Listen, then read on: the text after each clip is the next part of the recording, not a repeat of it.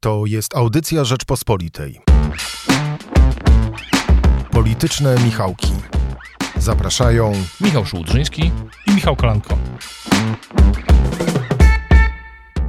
Piątek 9 września zapraszam Państwa na Polityczne Michałki. Razem z Michałem Kolanko będziemy analizować to, co działo się w tym tygodniu w Karpaczu, o politycznym e, tygodniu na forum ekonomicznym, o dymisji Jacka Kurskiego, co było jej powodem i komu miała ona dać e, do myślenia, a także spróbujemy się zastanowić, czy PiSowi uda się zmienić ordynację wyborczą do e, Sejmu, czy na tym zyska, czy na tym może straci. Zapraszam do wysłuchania politycznych Michałków.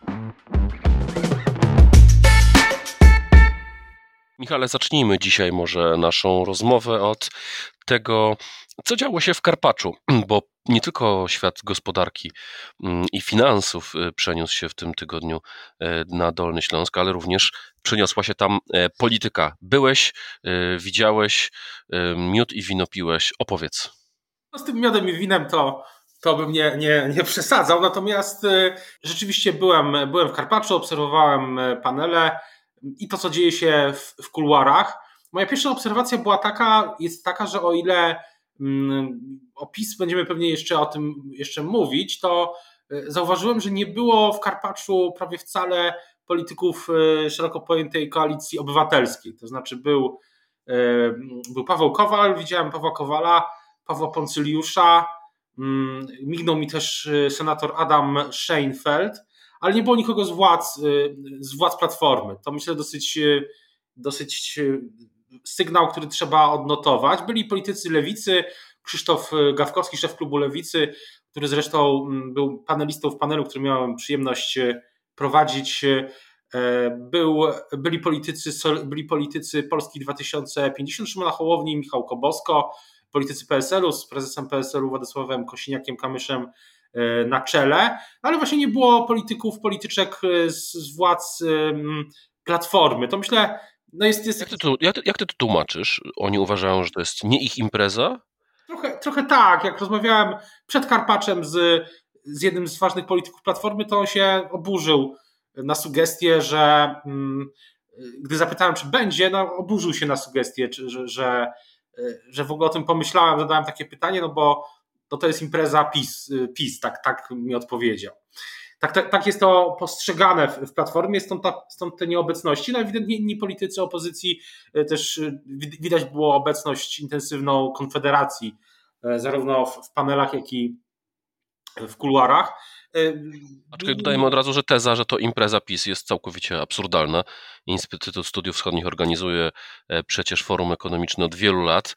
E, gdy odbywało się jeszcze w Krynicy, bywał tam e, Donald Tusk. To tam przecież ogłosił dekadę temu, że Polska zamierza szybko wejść do mm, euro, do strefy euro, więc po prostu jest to mm, impreza, na której zawsze pojawiają się przedstawiciele partii rządzącej i przedstawiciele spółek Skarbu Państwa, a to, kto w danej chwili rządzi, pokazuje, kto, kto tam ma większe wpływy, ale twierdzenie, że to impreza e, partyjna jest, wydaje mi się, grubym nadużyciem.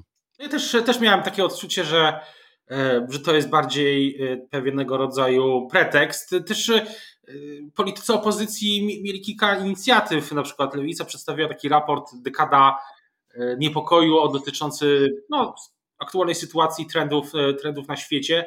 Więc no, takie, takie to podejście Platformy było zauważalne, no, ale tutaj to jest tylko rzecz do odnotowania. Mm, tak, myślę, że to jest y, jedna sprawa. Co do kuluarów, to, to ja widzę tam, można było rozmowy, te rozmowy kuluarowe no były wokół kilku tematów. Jeden no to oczywiście dymisja Jacka Kurskiego, y, jeśli chodzi o. Y, to jest jeden temat. Drugi to są zmiany w ordynacji i czy one nastąpią, a trzeci to zmiany, zmiany w rządzie i czy one czy one nastąpią. No i też oczywiście rozmowy takie bardziej y, w, w kierunku tego, kto, kto wygra wybory za rok, co, co zrobi opozycja, jak to się wszystko będzie, y, będzie układało. No bo czuć, czuć już było nad, y, czuć już było wśród polityków, dziennikarzy, no takie tych wszystkich rozmowach kuluarowych było czuć no, zbliżającą się, trwającą w zasadzie kampanię wyborczą, no i zbliżający się ten główny, główną fazę kampanii wyborczej.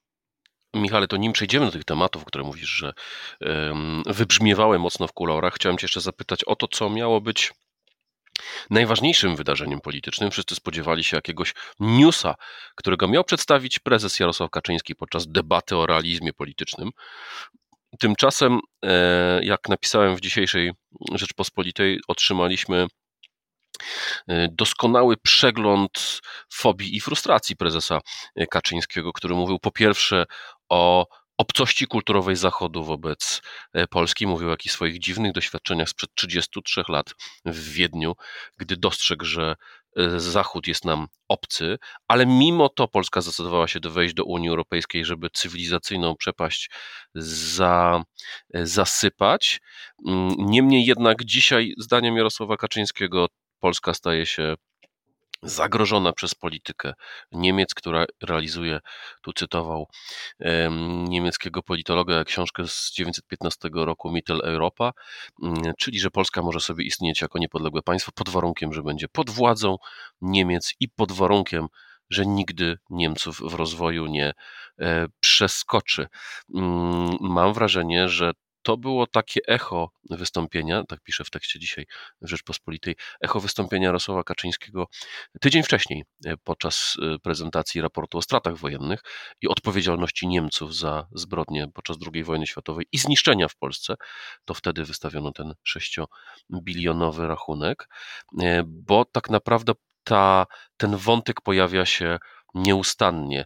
Kto nie jest, kto nie uważa Niemców za agresora, ma kompleksy. Ja raczej mam wrażenie, że to Jarosław Kaczyński ma głęboki kompleks wobec Niemiec i on staje się motorem polskiej polityki i wewnętrznej, i zagranicznej, a także jakieś jego dziwne, traumatyczne doświadczenia z Wiednia określają kwestię wyższości czy niższości cywilizacyjnej. Jak ty odebrałeś to, co mówił Jarosław Kaczyński i jak to komentowano w Karpaczu? No, to rzeczywiście ten panel, ta dyskusja no, sama obecność prezesa Kaczyńskiego, i dobrze pamiętam, rok temu go nie było, e, w Karpaczu też, e, nie był, no była takim, no było czymś, o czym się rozmawiało przed, tak? Karpacz na początku sezonu politycznego we wrześniu, początek września, no wydawał się właśnie okazją do tego, żeby mm, narzucić jakiś, e, no tak jak powiedziałeś, żeby rzucić jakiegoś, żeby był jakiś news, tak? Nowa deklaracja, nie wiem, dotycząca właśnie Unii, czy kierunku, czy czegoś e, zbliżonego, no bo to wtedy wszyscy o tym byli w Karpaczu, by to rezonowało no i w, ogólnopolsko. Natomiast e, tak się nie stało. Raczej e, moja obserwacja jest taka, że, że te, jeśli, jeśli, jest jakiś, jeśli w tym wystąpieniu jest jakiś temat tej trwającej kampanii wyborczej czy nadchodzącej, no to myślę, że można się spodziewać jeszcze bardziej, że takiego podkreślania tej odrębności kulturowej y, Polski, tak? Y, no ta opowieść, y, opowiastka o Wiedniu mm, bo jest odbiciem takiego myślenia właśnie, że mm, realistycznie rzecz ujmując trzeba było wejść do Unii Europejskiej, bo na przykład była trudna sytuacja w rolnictwie i, i to jest pewien realistyczny punkt, no ale ideowo i kulturowo jest to świat dla w widzeniu prezesa Kaczyńskiego Polsce, Polakom obcy. I myślę, że to jest no oczywiście nic nowego w jakimś sensie, no ale to też może być jakaś zapowiedź, to też jest być może zapowiedź tych tematów, y, wokół czego się będzie mm, ta kampania obracała. Nie tylko o, nie tylko o, o, o, Niem, o to będzie kampania mm, gdzieś tam wokół e, kwestii polityki niemieckiej wobec Niemiec, reparacji i takich twardych spraw międzynarodowych, różnego typu, czy y, unijnych dotyczących, nie wiem, y, handlu emisjami, czy, czy czegoś jeszcze, ale też właśnie kampania wokół y, tej podkreślania tej mm, wyższości, czy tożsamości wręcz kulturowej Polski wobec Zachodu. I, i to jest, myślę, myślę, że to warto odnotować. Właśnie, bo opozycja tutaj staje na stanowisku, że Jarosław Kaczyński krytykując Zachód staje po stronie Rosji, ale w tym jego wystąpieniu wyraźnie on mówił, że Rosja jest również antycywilizacją i to, co się dzieje w tej chwili na wojnie w Ukrainie, dowodzi tego, jak to jest sprzeczne z naszą cywilizacją. Mówił, że właśnie nasza cywilizacja to wolność jednostki. Snuł, moim zdaniem, dosyć publicystyczne rozważania o tym, że trzeba było po 1989 roku zamiast liberalnej demokracji, demokracji, bo chyba to hasło nie padło, liberalna demokracja, ale ono, mam wrażenie, było tutaj głównym wrogiem, że to liberalna demokracja jest tym zagrożeniem. Cytował Jana Pawła II, który mówił o nowym totalitaryzmie, e, ale tak naprawdę e, część tych wątków, gdy mówił o tym, że problem jest taki, że właśnie najdalej cywilizacyjnie czy kulturowo zrewolucjonizowane są kraje, które są naszymi najbliższymi sojusznikami, czyli Wielka Brytania. I tutaj powiedział, że ciekawą, że to popkultura była tym co rozwaliło kulturę Wielkiej Brytanii. Nie wiem, czy zgodziliby się z tym e, Brytyjczycy. Królowa brytyjska była gwiazdą popkultury, a równocześnie była ostoją tradycji, ale zostawmy to na boku. Mówi też o Stanach Zjednoczonych, w których dzieją się złe rzeczy. Jak rozumiem, to ma pokazać, że my tutaj bronimy normalności, a tam te słowo nie padło, ale rozumiem, że to jest ten refren z jego wystąpień. Do 16.30 możemy być kobietą, a 7, po 17.00 jesteśmy mężczyzną. To jest e, jeszcze jest jedna rzecz. No, prezes Kaczyński przypominał tą uchwałę Sejmu o suwerenności kulturowej. Przyznam szczerze, że musiałem, że, że dopiero, że, że nie, nie, byłem, nie pamiętałem w chwili mm, tego wystąpienia o tej uchwale. Taka, e, prezes to oczywiście przypomniał. E, no i, no i, to, się, i to się zgadza z tym, e, co, co padło w trakcie kampusu Polska przyszłości, tak? W jakimś sensie, no bo tam i, i przewodniczący Platformy Donald Tusk, co długo zresztą jest, cały czas jest analizowane i rezonuje, i, i, i oczywiście Rafał Trzaskowski, no jasno stawiają stawili, postawili na przykład kwestię praw y, człowieka, praw kobiet. Tak? Rafał Trzaskowski y, zresztą w środę w jednym z programów y, powiedział, że jeśli chcemy wygrywać wybory, musimy w sprawach fundamentalnych być wyraziści. I to, to, to jest kurs na, to jest kurs, który gwarantuje takie kulturowe zderzenie w, w tej kampanii. Tak, się, tak mi się wydaje, tak zestawiając ze sobą te deklaracje z tych dwóch e, wydarzeń, które nastąpiły które, no, na przełomie sierpnia i września. W takim razie pozostawmy Jarosława Kaczyńskiego i rozważania o wyższości kulturowej Polski, a przejdźmy do analizy tego, dlaczego stanowisko stracił Jacek Kurski. Michale, e, mówiłeś, że to był temat, który niezwykle poruszał uczestników e, forum w Karpaczu. Też widziałem reakcje w mediach społecznościowych. Był to absolutnie temat numer jeden początku e, tego e, tygodnia. Czemu Jacek Kurski stracił stanowisko i czemu stracił je w takich, a nie innych okolicznościach? Czemu stracił je właśnie teraz? To jest bardzo dobre pytanie. Kilka dni po tym, jak to się wydarzyło, myślę, że pełnego obrazu sytuacji jeszcze cały czas nie mamy. Tak bywa zresztą w polityce, że te pierwsze wersje mm, historii, że tak się wyrażę, są y, czasami, czasami trafne, a czasami nie, tak mówiąc ogólnie. Myślę, że to, co się wydarzyło, na pewno rezonuje cały czas w Prawie i Sprawiedliwości.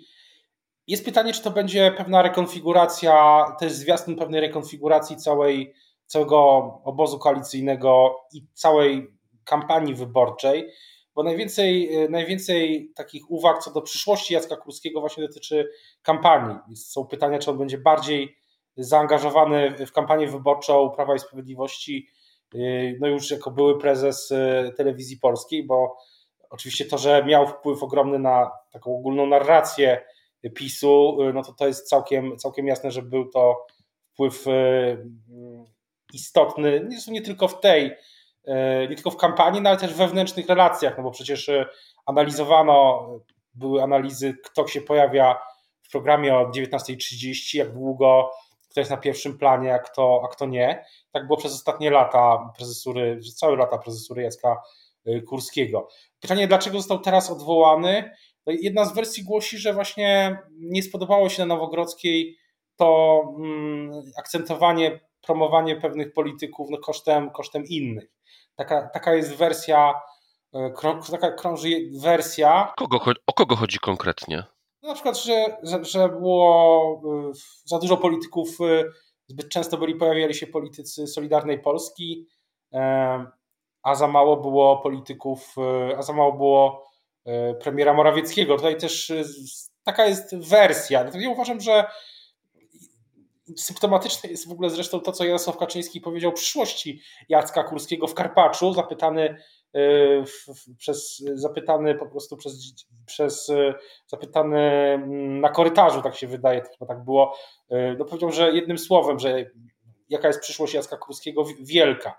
Więc to, to jest tak też dobry sygnał pokazujący, że PiS bardzo dba o to, żeby nie było wrażenia, że to jest dymisja y, za jakąś przewinę. Bo i był tweet y, rzecznika Fogla zaraz po, po tej dymisji, no i te słowa prezesa Kaczyńskiego, to wszystko tak pokazuje, że jest tam pewien y, taki rozkrok, tak bym to, tak bym to ujął, bo z jednej strony... No właśnie, bo jeżeli się wszyscy go teraz chwalą i chwalą, to dlaczego w takim razie stracił stanowisko? No myślę, że myślę, że to jest jeszcze kwestia do dalszego dalszego, dalszego zbadania, bo zwróćmy też uwagę, że politycy z różnych opcji w ramach samego PiSu też, też, też y, mówią o tych talentach, mówią o tym, że będzie zagospodarowany, zagospodarowanych jego, jego talent y, prezesa, byłego prezesa Kurskiego, więc myślę, że myślę, że to jest dosyć y, taka jedna z, z bardziej oryginalnych nietypowych sytuacji. Na pewno nikt się jej nie spodziewał. No, tego, tego jesteśmy w miarę pewni. Dobrze, to może zostawmy na moment Jacka Kurskiego i przejdźmy do tego drugiego tematu, którym jest ordynacja e, wyborcza. E, wygląda na to, że Jarosław Kaczyński coraz poważniej myśli o zmianie zasad, według których będziemy wybierali posłów e, i senatorów, ale równocześnie ma z tym coraz większe kłopoty. Wywiad prezydenta z poprzedniego poniedziałku w Radiu Z sugeruje, że jeżeli chodzi o wydłużenie kadencji z e, samorządów i jest gotowy to poprzeć. Ale jeśli chodzi o taką zmianę ordynacji wyborczej, która doprowadzi do tego, że mniej partii wejdzie do Sejmu, no to e, prezydent zasugerował, że już raz e, zawetował taką ustawę. Było to przed wyborami do Parlamentu Europejskiego. Co mówiło się w Karpaczu na ten temat? Co mówili twoi informatorzy?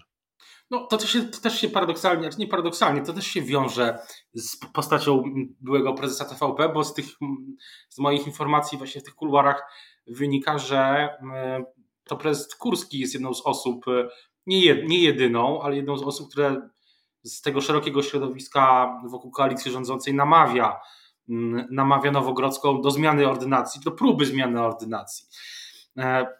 Jest takie wytłumaczenie. do pójścia na całość jednak, bo to by oznaczało no, rozpoczęcie sporej wojny, wojny politycznej.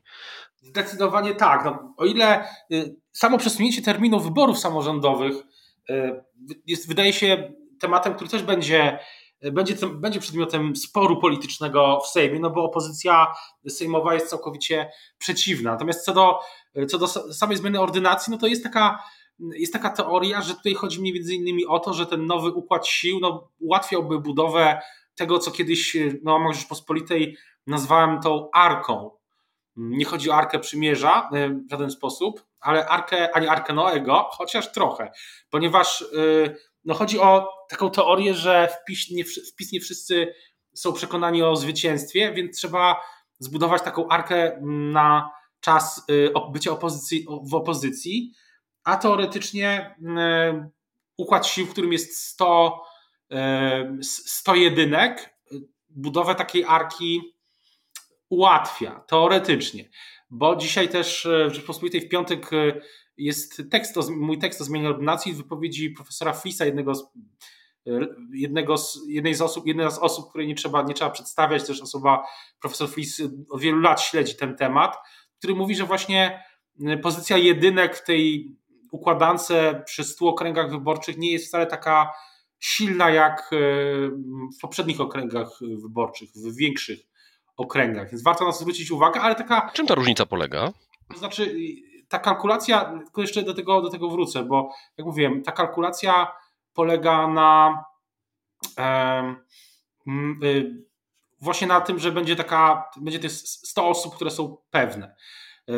To jest, to jest kwestia, kwestia, jak tłumaczy profesor Flis, to jest kwestia po prostu tego, jaki jest bonus za bycie jedynką w mniejszym okręgu wyborczym. Jeśli dobrze rozumiem całą sytuację, to ten bonus za bycie jedynką na liście w mniejszym okręgu jest po prostu mniejszy niż przy, niż przy większym okręgu. Taka jest... Rozumiem, że utrwala to tylko władzę tego, kto li, kształt list tworzy.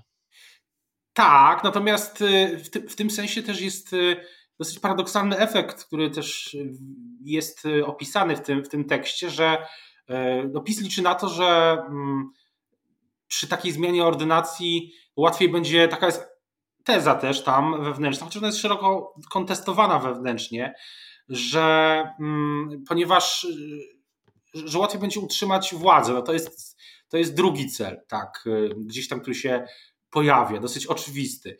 Natomiast y, profesor Fritz zwraca uwagę, że jeśli opozycja się zjednoczy, to wtedy sama może uzyskać ten efekt y, tego bonusu. Wtedy może mieć dużo więcej, jeśli wygra, to ma, może mieć dużo więcej mandatów niż gdy, gdyby wygrała i PiS nie miałby i PiS nie zmieniłby ordynacji. Nie wiem, czy to jest jasne, o co, o co tu chodzi, że tak jak mówi profesor Flis, to jest takie nunchako.